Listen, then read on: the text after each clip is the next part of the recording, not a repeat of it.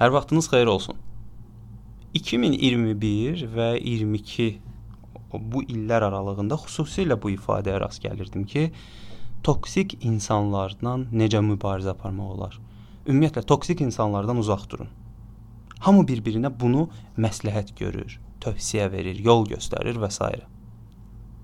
Ümumiyyətlə insanlardan uzaqlaşmaq bir şəkildə təbliğ olunur və mən bunun yanlış olduğunu düşünürəm. İnsanlardan nə qədər uzaqlaşırsansa, o qədər işlərində uğursuz ola bilirsən, nəticə əldə edə bilmirsən, daha çox sıxıntı yaşaya bilirsən və s. Elə bil belə bir şeydir də, kənarda bir qala var. Qala boşdur və onun içərisində təksənsən. Çöldə isə insanlar var. Sən qalanın içərisində müdafiə olduğunu düşünürsən, amma əksində hədəf nöqtəsi sənsən. Çünki qala bir dənədir və sən də tək ordasan. Hamı səni orada hədəf görür. Mübarizə aparmaq üçün isə qaladan çıxıb o çöldə insanların içərisində olmalısan. Hamıdan biri kimi olub, amma hamı kimi olmamaq psixologiyası yaratmaq lazımdır. Yəni məsələ nədir? Toksik insanlarla mübarizə aparmaq üçün nələr etməliyik? Öncə toksiklik nədir buna baxmaq lazımdır. Toksik sözü zəhərdir. Toksik maddələr, zəhərli maddələr və s. yəni zəhər kimi başa düşə bilirik. Yəni bizə neqativ verən, sıxıntı yaradan, bütün gün o dırnaqarası ağlayan və s. və s. hərəkətlər edən insanlar nəzərdə tutulur. Bunlarla mübarizə aparmaq mütləqdir. Bunlardan qaçmaqla heç bir nəticə əldə edə bilməyəcəyik və çox təəssüf ki, Azərbaycan cəmiyyətində toksik insanlar daha çoxdur. Ailəmizdə var bunlar, qohum-əqrəbalarda var, dost, tanış, qrup yoldaşı və ətraf mühit. Hər yerdə belə bir insanlar var. Nə etmək lazımdır ki, bunlarla mübarizə aparaq? Mübarizə aparmaq üçün əvvəlcə o şeyin nə olduğunu bilmək lazımdır ki, niyə toksik insanlar belə düşünürlər? Və bunların belə düşünməsinə səbəb nədir? Söhbət bunları oturub saatlarla, günlərlə incələməkdən getmir ha.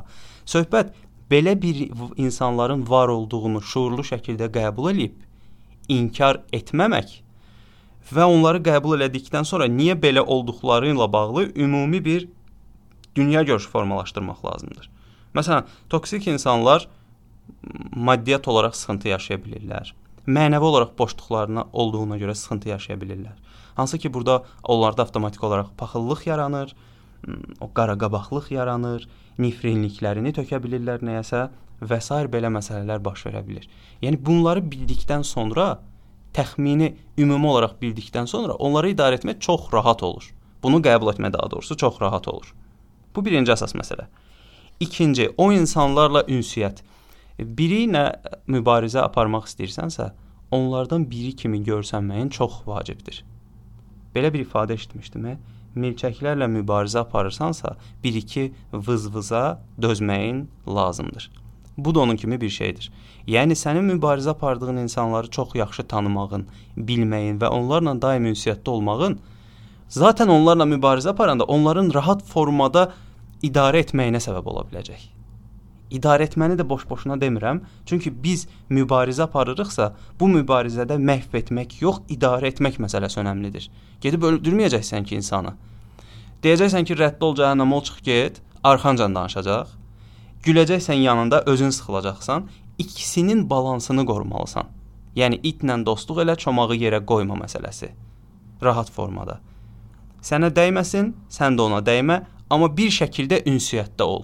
Bax bu balansı qoruyub yarada bilmək çox vacib məsələdir ki, toksik insanlarla mübarizədə hamımıza kömək ola biləcək bir variantdır. Çünki mən belə eləyirəm. Heç bir neqativi həll etmək mümkün deyil, amma idarə etmək mümkündür idarə edə bilmək üçün o şeyi bilməliyik. O şeyi biləndən sonra əlimizdə bir vasitə olur. Bu vasitəni rahat formada istifadə edə bilirik. Bax, bunları mütləq şəkildə düşünürəm ki, yadda saxlamaq lazımdır ki, faydası da olsun. Belə, siz nə düşünürsüz toksik insanlarla bağlı? Fikirlərinizi mənə sosial mediadan yaza bilərsiniz. Podkastı da dinlədiyinizə görə təşəkkür edirəm. Növbəti podkastlarda görüşərik. Hələlik.